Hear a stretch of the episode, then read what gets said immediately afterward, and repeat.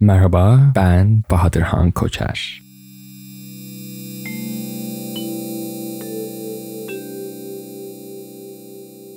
Çok uzun zaman oldu. Son bölümü kaydedeli herhalde bir 3 ay oldu. Tam olarak hatırlamıyorum ama işte bir kontrol etmek lazım onu. Ama 3 ay olmuştur diye düşünüyorum. Bunun arkasında tabii ki bir takım sebepler vardı ama en büyük sebepler kişisel olanlar. Ee, hemen ardından da yoğunluğumun artması, bir takım siparişlerin olması, okulla alakalı yükümlülüklerim e, min ağırlaşması gibi gibi şeyler. Aslında benim üretkenliğimi kanalize etmemi gerektirdi. Yani başka bir yere kanalize etmiş oldum bu üretkenliği. Çünkü üretkenlik benim için bir insiyak. Her zaman benimle olan bir şey. Her zaman bir şey üretmek gerekir diye düşünüyorum ve öyle de yapıyorum. Dolayısıyla bunu başka bir yere kanalize ettim ve yakın zamanda YouTube üzerinde aslında yayınlamaya başladım ve görüntü bazlı çünkü analiz bazlı bir seri başlattım. Spotify'da da bu seri mevcut şu anda. Yeni yeni distribüsyon işine girdim. Yani sadece Spotify'da ve sanırım Google Podcast'te var. Onun dışında başka bir platformda yok şu anda ama olacak.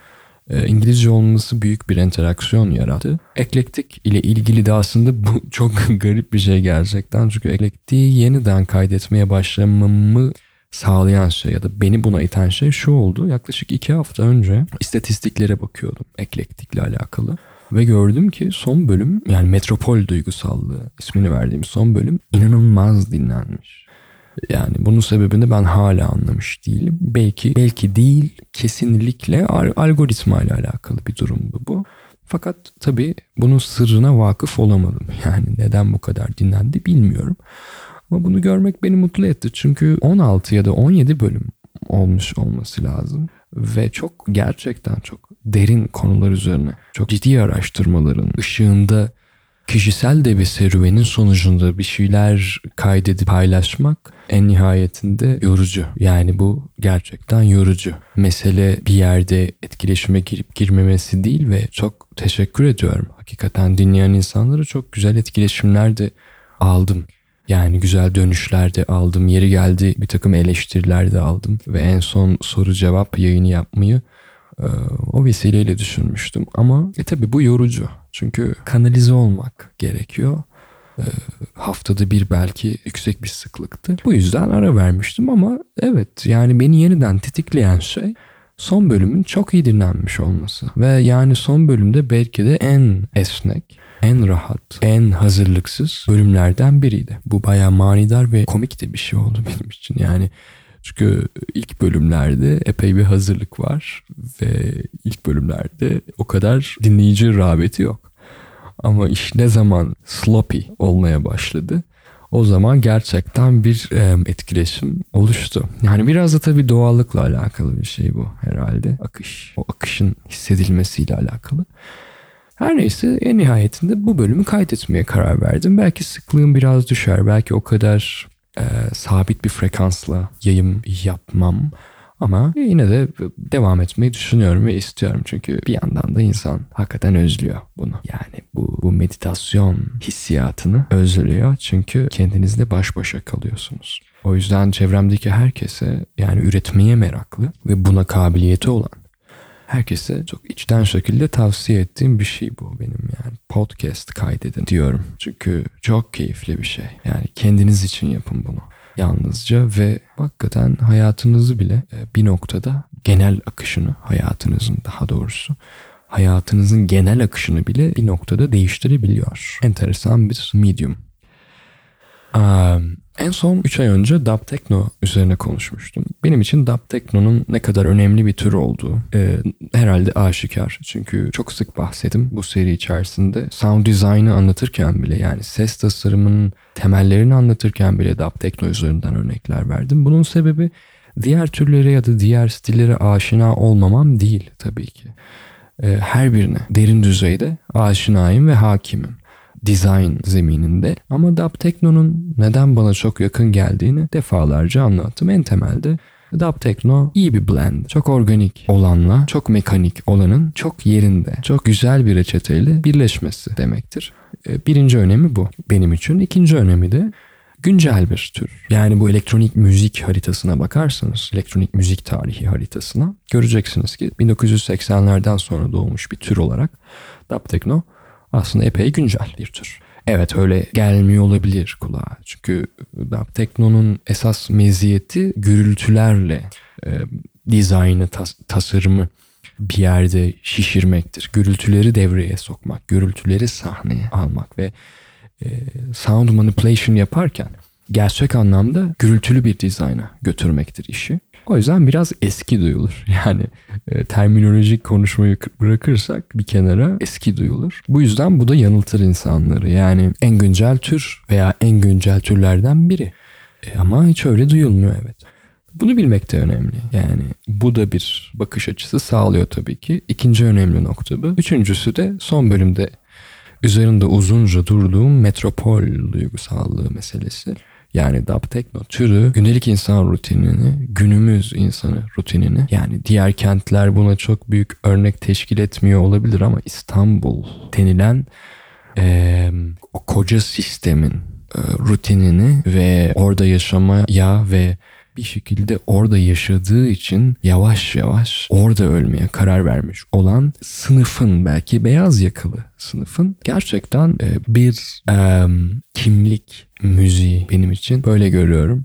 E tabii o bunun içinde bir e, gözlem kabiliyetine sahip olmak, özdeşleşme kabiliyetine sahip olmak, empati kabiliyetine sahip olmak, elektronik müzik dinlerken iyi bir kulakla, gelişkin, rahat, e, bir anlamda ne dinlediğini bilerek ve dinlediği şeyin tamamen teoriden ibaret olmadığını da bilerek ama teorik tarafından dolayı da dinlediği şeyin üstün olduğunu bilerek o şeyi dinleyen bir dinleyiciye de ihtiyacı var bu türün.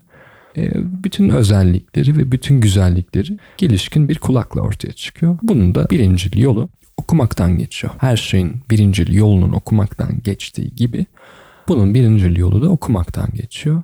Müzik tarihi okumaları, özelde elektronik müzik tarihi okumaları, eğer biraz merak varsa sound design metotlarına giriş, ses tasarımı evrenini keşfetmek ve karşısına ilk çıkacak şey insanın analog ekipman ve analog tasarım ve bunun ne kadar müthiş bir evren olduğunu fark etmek ve hemen ardından dijitalde de nelerin dönüştüğünü görebilmek, belki de biraz prodüksiyon evrenine girebilmek ve en nihayetinde de bütün bu serüvenden sonra bir yapımcı olmasa bile dinleyici, altını çiziyorum, önemli.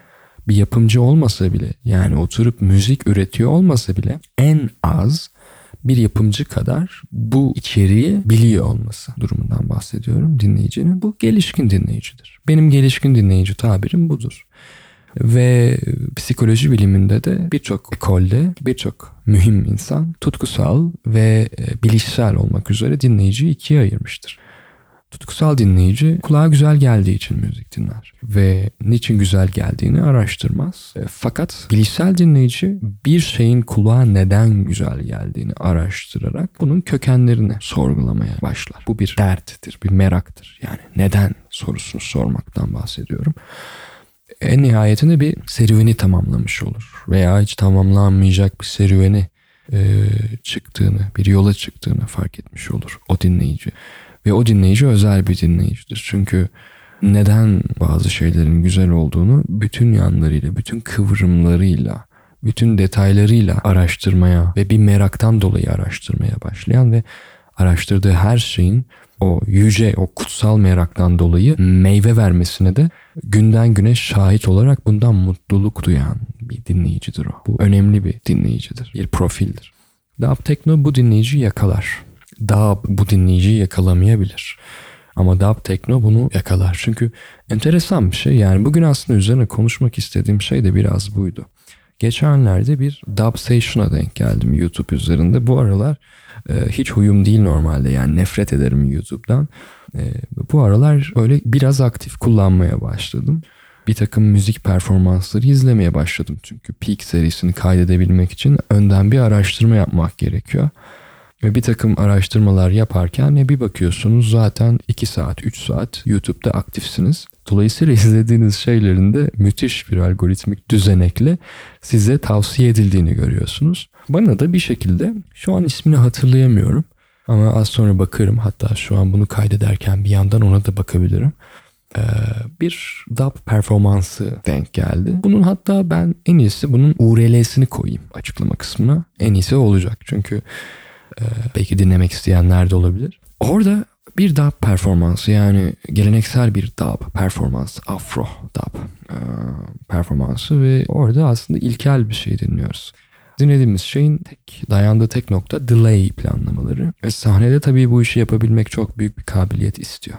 E, dub için konuşuyorum. Yani her türlü bir zorluğu vardır. Şimdi bir caz gitaristini tutup o sahneye koysanız e, şimdi sonuçta iki akor basıyorsunuz. Yani dub'ın temelinde iki akor vardır. Üç akor bile çoğu zaman yoktur. E, ve bu iki akorda root akor ve tam dörtlüsü yani scale'in birinci akoru ve dördüncü akoru arasında sürekli gidip gelen belki pozisyonları değişen e, yani belki substitution halde basılan fakat yine de öyle ya da böyle bu iki akorun sürekli basıldığı ve groove'un aslında önemli olduğu delay parametrelerinin ön plana çıktığı bir müzik türü daha. Bunun dışında çok bir e, işçilik diyebiliriz ona yani çok bir işçiliği yok. Çok bir um, virtüöz isteyen bir tür değil. Ama tabii ki yine altını çiziyorum. Her türün virtüözü vardır. Her türün kendine has bir niteliği vardır. Herhangi bir caz gitaristi herhalde o sahneye koysanız yani standart bir dub konserinde bir konser de değil o. Bir ona ben bir session demeyi tercih ediyorum. Yani bir session hakikaten. Bir birliktelik belki de en Türkçe en temiz şekilde öyle ifade edebilirim. Yani aktif bir birliktelik hali çünkü e, ön plana aldığı şey genellikle barış ve nefretin e, kötülenmesi, iyiliğin bir anlamda sürekli ön plana çıkartılması vesaire gibi durumlar söz konusu. O yüzden oradaki dinleyici de bu adaptasyon eğilimiyle geliyor oraya. Tabii yani çok ilkel. Performanslar çok çok ilkel. Müthiş ilkel. Çünkü kıyas ettiğimiz şey dijital dub techno e, planlamasıyla, delay planlamalarıyla. Daha doğrusu dijital dub teknonun yani son dönemde dinler olduğumuz dub teknonun e, kökenini düşünerek bu performansları dinleyince insan bir şaşırıyor. Çünkü yahu ne kadar ilkelmiş diyorsunuz aslında. Yani temelde olan şey bu. Ne kadar ilkelmiş. Ne kadar lezzetsiz, ne kadar yavan bir tadı varmış diyorsunuz. Ama işte orada önemli olan şey şunu hatırlatmak lazım insanın. Hakikaten kendisini bunu hatırlatması gerek. Orada önemli olan şey oradaki virtüözite değil. Lab Tekno'da da virtüözite ön planda değildir. Önemli olan şey orada bir arka plan var. Bir fikir, bir düşünce, bir metot var. Ee, bir düşünce metodundan bahsediyorum. Bir hissiyat var. Bir atmosfer oluşturma. Bir vibing derler ya. Bir vibe var orada. Ve bunu oluşturabilmek için çok uzun süreler boyunca canlı performanslar yapıp kendinizi de sürekli dinleyicinin yerine koyup belki aynı zamanda da iyi bir dinleyici olmayı da ee, başararak çünkü zordur o dengeyi tutturabilmek sürekli bir sarkaç gibi sahnede olup aynı zamanda seyircinin de bulunduğu yere böyle e, gidip gelmeniz gerekiyor. Dabda enerjiyi yüksek tutabilmek için. Ama yine de delay planlamaları yani teknik olarak teknik olarak çok bundan bahsetmek istemiyorum çünkü e, zannediyorum ki çoğu kişinin ilgi alanı değil bu. E, bu teknik şeylere ilgi duyan varsa e, şu an bu bölümü dinleyen insanlar arasında o halde Peak'e gidebilirsiniz. Peak için URL bırakacağım. Onun için de URL bırakacağım. Ve sahne performansları yavan ama keyifli. Güzel bir ruh var çünkü. Güzel bir şey salınıyor yani orada ortama. Fakat sözlü olması Birinci problem herhalde bu. Yani sadece dub için değil. Bir müziğin sözlü olması fikrine herhalde bir tek ben tahammül edemiyorum buna. Bir, bir, bir, bir müziğin sözlü olması. Yani bu çok sınırlayıcı. Çok sınırlayıcı. Resmen e, bütün o etkileyiciliğiyle her şeyin çok muhteşem bir düzenle bir tözden bir konkrete dönüşmesi durumu var. Bir bestenin yapılması, bir kompozisyonun yapılması çok Bunlar çok özel süreçler ve çok değerli bir şey yani bitmiş olan bir kompozisyon yapılmış e, halde e, dinleyiciye erişmesi, ulaşması, ulaşmaması da hakeza o da bazen değerli olabiliyor. Bir şekilde bestecinin elinden çıkmış ve tamamlanmış olması. Bu çok kutsal bir şey. Bu çok kutsal bir şey ve bu kutsallığı yeni kazanmıştı değil. Yani yazılı tarihte antik Yunan'da görürsünüz bunun ne kadar kutsal addedildiğini. Ee, ve inanılan odur ki sözlü tarihte de çok daha çok çok daha e, eskiye dayandığı söylenir. Bu müziğin aşkınlığı yani müziğin e, bir anlamda fikir noktasında hakikaten erişilemez bir detay olduğu, erişilemez bir düşünce düzeyiyle ancak açıklanabileceği gibi bir takım varsayımlar var. Yani şimdi bütün bunları düşünüp, geçmişe dönüp, büyük okumalar yapıp, çok büyük, çok büyük okumalar yapıp, e, müziğin üzerine sözün iliştirilmesi. Yani bu arada anlamı olan şeylerden bahsediyorum. Bir takım terennümlerden bahsetmiyorum. Anlamı olan şeylerden. Yani bizim bu batı müziğinde vowel olarak bildiğimiz e, popüler şekilde e, seslenişlerden bahsetmiyorum. O, o muazzam bir şeydir. Ama hakikaten anlamı olan kelimelerden oluşmuş bir cümlenin, bir dörtlüğün veya bir sözler bütünlüğün temelde bir kompozisyonun üzerine yedirilmesi çok içler acısı gibi geliyor bana. Çok içler acısı.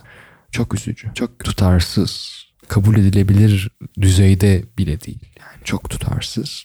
Hiçbir şekilde bunu ben anlayamıyorum. Ama bir de tabii ki söz için bestelenen müzik gibi bir e, tuhaflık var ki o da en garibi hakikaten. Ama zaten benim hali hazırda sözlü müziğe bakışım buyken e, dub müzikte sürekli artık basit sloganlarla işi götürdüğünüz için yani işte e, sistem bir vampirdir e, sistem çocukların kanını emer. Sistem toplumumuzun kanını emiyor. Bu vampiri baş kaldırın. Bu vampiri niçin aranıza alıyorsunuz gibi hakikaten sözler böyle. Yani izlediğim performanstaki sözler en azından böyleydi ve biliyorum ki zaten e, çok iyi bildiğim bir şey dub, dub music. E, biliyorum ki genel eğilim de bu. E bu bana biraz komik geliyor tabii ki. Yani çünkü e, gerçekten sadece e, dub techno sadece bu işi bu bu bu blend'i yapmış olmakla kalmadı. Belki de bu sözlü müzik e, lekesinden kurtardı. Sözlü müzik mikrobundan arındırdı dub müziği. O içindeki güzelliği yani o içinde saklı e, o unik tarafı belki de çekip çıkarttı. Ve tabii bunu yaparken de teknonun sözsüz ama dolaylı yoldan sözsüz olduğu için trans olan, sözsüz olduğu için sürekli repetitif olduğu için e, fiziksel olarak insana bir şeyler veren tarafını kullandı. Yani bu blende teknoda önemli bir dengeleyici. Bir hakikaten bir dengeleyici yani güzel bir dengeleyici. Ama en çok düşündüğüm şey bu. Her neyse bahsettiğim şey şuydu. YouTube'da bir video denk geldim ve bu bir dub performansı ve izlerken gerçekten sadece enstrümantal kısımlar tatlı. Onun dışında Gerisi yani ne gerek var ki diyorsunuz. Ne gerek var ki? Olmamış işte olmamış. Bayağı olmuş. Çok komik olmuş. E, olmamış çünkü konuşmak bile anlamı, hissettiğiniz anlamı daraltmaz mı? Sadece hissettiğiniz bir şeyi cümleye dökmek bile o şeyin değerinden, derinliğinden büyük bir parçayı söküp çıkartmaz mı? Ben böyle düşünüyorum. Bunun böyle olduğuna inanıyorum. Ve bunun böyle olduğunu da her gün, yaşadığım her gün deneyimliyorum. E, müzikte de bunun artık hiç söz konusu olmadığı bir durumdayız. Çünkü seçeneğiniz varsa yani sözlü müzik yapmak ve yapmamak gibi bir seçeneğiniz varsa ben çok hızlı bir şekilde sözsüz müziği tercih edebilirim hiç düşünmeden ama gündelik hayatta yani neyi tercih edeceksiniz ki? konuşmak ya da konuşmamak gibi çok keskin bir tercih olacaktır bu. Um, ama tabii aynı düşünce orada da işliyor. Anlamın daralması dediğimiz şey o Rene Genon'un meşhur yazılı tarihe ya da yazılı bilimlere ya da yazıya dayalı bilimlere karşı çıkmasının e, bu da bir çılgınlık olarak görülür hakikaten. Temel sebebi de budur aslında. Çünkü yüce bir anlam, ulvi, aşkın bir anlama kelimelerle erişmek ne mümkündür ne de bu anlama erişmiş herhangi birinin kelimelerle sadece kelimeler olsa yine iyi. Yazıya dökerek bu şeyi, yazıya dökmeye çalışarak aktarmaya çalışması, bu ulvi bilgiyi aktarmaya çalışması durumu. Yani o bilgi o kadar uçsuz bucaksızdır ki bırakın sözle, yazıyla anlatmayı e, aktarımı zaten mümkün olmayan bir bilgidir diyor. Fakat bir şekilde onun düşüncesinde birileri bu bilgiye erişebiliyor. E, ve eriştikleri bu bilgiyi yazılı yolla elde etmeye çalıştıkları için pozitif bilimlerin şu anda bizi soktuğu akademik çıkmaza girildi onun fikrince. Dolayısıyla söz, sözcük dil, yazı, sözlerle anlaşmaya çalışmak, e, yazıyla anlaşmaya çalışmak. Bunlar çok alıştığımız şeyler sadece. Hepsi bu. Ne daha azı ne daha fazlası. Bunlar alıştığımız şeyler. Bunlara o kadar alıştık ki. Bunlar olur mu canım bunlar olmadan gibi şeyler bizim için. Ama bunu sorgulamak çok derin bir sorguya bizi götürecektir ama müzikte en azından bunu rahatlıkla sorgulayabiliriz. Yani bir sözlü müzik nedir ne değildir rahatlıkla masaya yatırılabilir ve bu konuyla ilgili de hakikaten çok derin çalışmalar da var. Yani sözlü müziğin büyük bir zırva olduğunu savunan çok mühim insanlar vardır. Çok çok mühim insanlar vardır. Ama mesele bu değil. Yani e, biraz ben bununla bağdaştırıyorum. Genon düşüncesindeki o yazılı bilginin insanı sathileştirdiği fikri müzikte de sözlü müziğin e, kozmoplastra, musiki dediğimiz şeyi bir patates kızartmasına dönüştürmesi gibi bir şey oldu yani. Ama tabii bunlar tartışmalı durumlar. Tartışmaya açık durumlar. Aa, ve o performansta yani eğer izlerseniz göreceksiniz o performansta enteresan şeyler oluyor. Güzel kısımlar var. Efekt işçiliği fena değil ama dub dediğimiz şeyde zaten çok e, gösteriş yoktur. Öyle pahalı ekipmanlar yoktur. Yani para dediğiniz şey zaten yoktur o evrende. E, paranın ehemmiyeti yoktur. Bir inner beauty ya da bir e, inner goodness için uğraşırlar onlar. Bu tabii bir, bir kendi içerisinde Rastafarian e, duruşu da tutumu da barındıran bir şey. Karmaşık bir tablo.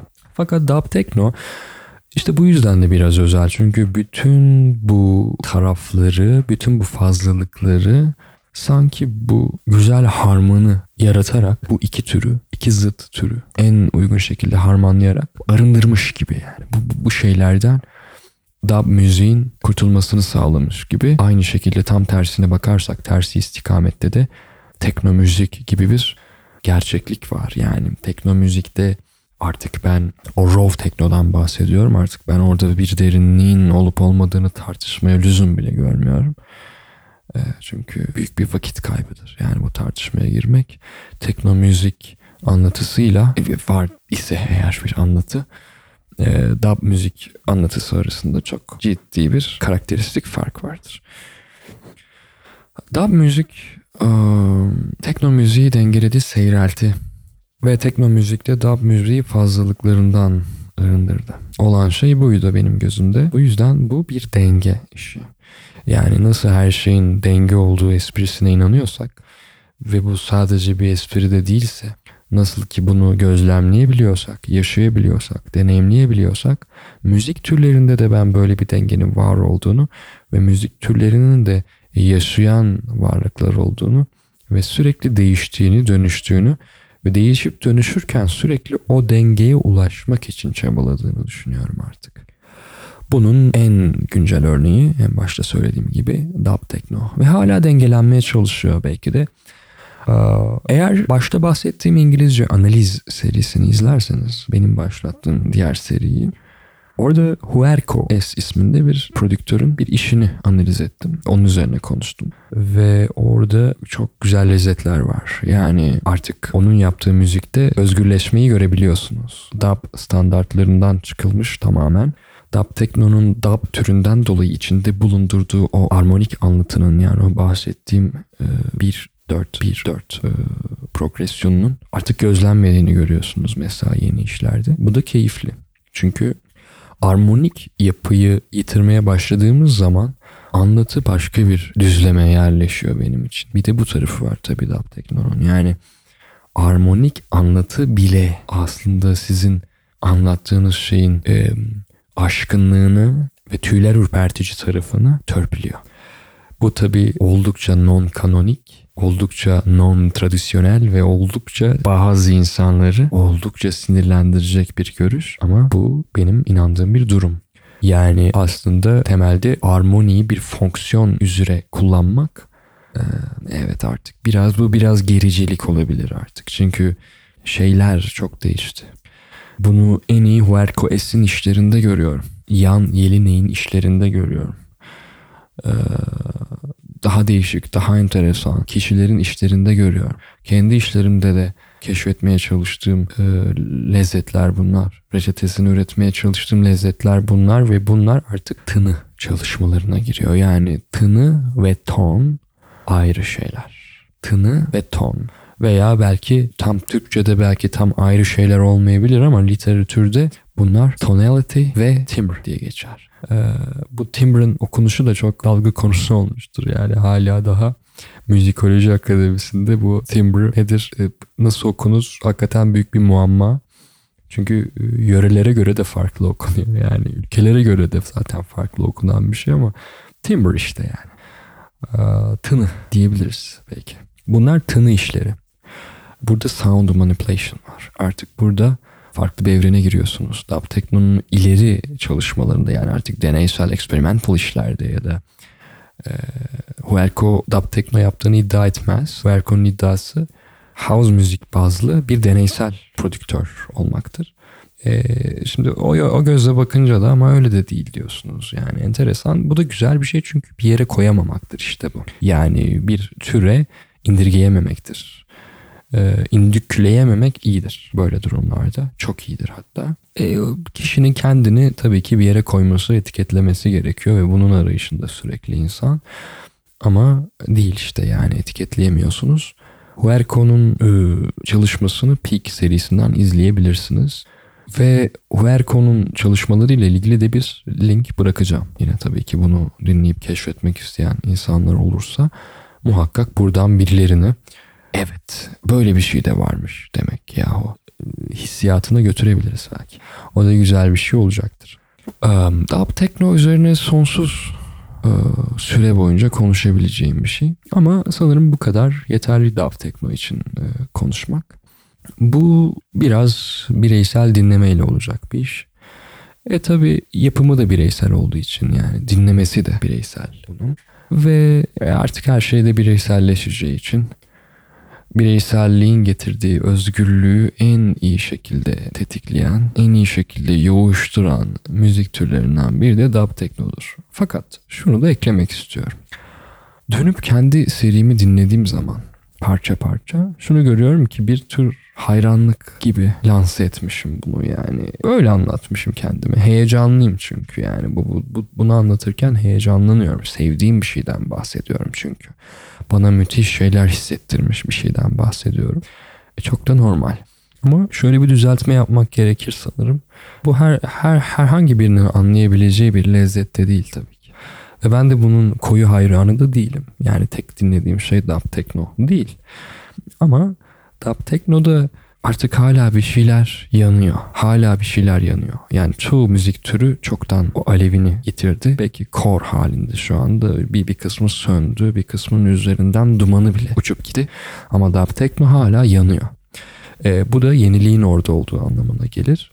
Bu da güncel fikirlerin orada e, döndüğünü, dolaştığını anlatır bize. Dolayısıyla üzerine konuşmayı çok sevdiğim bir alandır bu yüzden. E, pek de bilinmez. Bu da benim hoşuma gider. Bunun bilinmemesi. E, bilinmemesinden alır biraz da zaten bu kreatif tarafını yani o, o da o da bilinmesi de kötüdür hakikaten. Çünkü eğer biliniyorsa dinlenebiliyordur. Çok biliniyorsa çok dinlenebiliyordur. Ama çok dinlenebiliyorsa bunda bir problem vardır. Çünkü Dub Tekno'nun kendi içerisindeki o küçük niş planlamalar hiç de kolay yenilir yutulur cinsten kolay teknikler değildir onlar yani. E, çoğu kişi dinliyorsa ve beğenerek dinliyorsa e demek ki o tekniklerden taviz verilmiştir ve orada bir ikiyüzlülük yapılmıştır yani. Orada tekno icra edilmiştir artık diye düşünüyorum. E tabi experimental dediğimiz o deneysel elektronik müzik türleri üzerine de ayrıca ben bir konuşmak istiyorum. Fakat bunu bu bölümde yapmak çok zor. Çünkü bir yandan da şu an gecenin ikisi ve üçü olmak üzere aslında. Bu yorucu bir şeye dönüşebilir benim için. Ama experimental e, müzik üzerine konuşmak isterim. Çünkü e, bu dönem müzik İTÜ, Müzik İleri Araştırmaları Merkezi'nden e, elektronik müzik tarihi dersi alıyorum. Ve çok kıymetli bir e, akademisyenden alıyorum. Manolis Ekmekçioğlu. Onun deneysel müziğe bakışı dersi nasıl anlattığına da sirayet etmiş ve ben epey hakimimdir. Yani elektronik müzik tarihinde yapılmış en minik işleri bile bilirim ama ona rağmen çok tuhaf, çok görmediğim, bilmediğim, aşina olmadığım birçok şey dinledim. Bu da tabii bahsettiğim bir dört aylık bir süreç. Bu yüzden yeni de bir his ve elektronik müzik üzerine, deneysel elektronik müzik üzerine konuşmakta epey bir keyif verecektir bana. Çünkü hakikaten artık boğulacak düzeyde derinleştiğimi düşünüyorum bu noktada da. Ve şans şu ki bunlar bilmiyorum ne zaman bilinecek Türkiye'de. Bilmiyorum ne zaman birileri bunun bu, bu ıı, kalıplaşmış, bu kendi halinde büyümeyi başarmış olan evrenin üzerindeki o perdeyi kaldırıp böyle Türk insanlarına, böyle Türk halkına bakın burada böyle bir şey var deyip parmağıyla kim gösterecek acaba diye düşünmeden de edemiyorum. E, bu da bir ödev de değil yani. Hatta bilinmemesi daha iyi. Her zaman verdiğim bir örnektir. İlhan Mimaroğlu'nun iyi ki beni dinlemiyorsunuz gibi bir serzeniş vardır ya. Dinlemediğiniz için teşekkürler der. E işte durumda biraz o dinlenmemesi gerekir bazı şeylerin. Bilinmemesi gerekir bazı şeylerin. Çok kurcalanmaması, çok okunmaması gerekir. Kendi halinde yanması ve sönmesi gerekir. Ee, çünkü bu popcorn değildir. Bu butiktir. Seri üretim değildir. O da çok güzel bir tabir. Yani e, gerçekten seri üretimden uzaktır. O yüzden özeldir. Ee, biraz bu dub tekno güzellemesi oldu yine. Ama olsun. Yani yeniden bir şeylerin üzerinden geçtiğimi düşünmüyorum. Yani kendimi iğnelediğimi düşünmüyorum. Ama evet DAB üzerinde o belki sözlü müzik noktasında o örneği izleyince ne demek istediğimi daha iyi anlayacaksınız. Burada özellikle isim kullanmıyorum. Yani kişiyi hatırlıyorum şu anda. Ama o kişinin ismini kullanmak istemiyorum e, ilerleyen zamanlarda isim kullanacağım. Günlerde gelecek ve muhtemelen kullandığım isimlerle burada böyle birlikte de konuşuyor olacağız ve siz de e, bunu keyifle dinliyor olacaksınız. Yani güzel planlarım, güzel fikirlerim, güzel haberlerim var aslında. Collaboration noktasında bir birazcık beklemek gerekecek sadece. Ee, sanırım burada bitirebiliriz bu bölümü. Ee, her hafta söylüyor olduğum gibi beni e, Patreon'da bulabilirsiniz. Onun dışında zaten sosyal medya üzerinden rahatlıkla bulabileceğinizi düşünüyorum. Herhangi bir soru, fikir, öneri ya da bir saptama, bir ekleme yapmak isterseniz eklektikpodcast at outlook.com adresine mail gönderebilirsiniz. Büyük bir heyecanla, severek, bilerek ve isteyerek o maili de okuyacağım. Kendinize iyi bakın.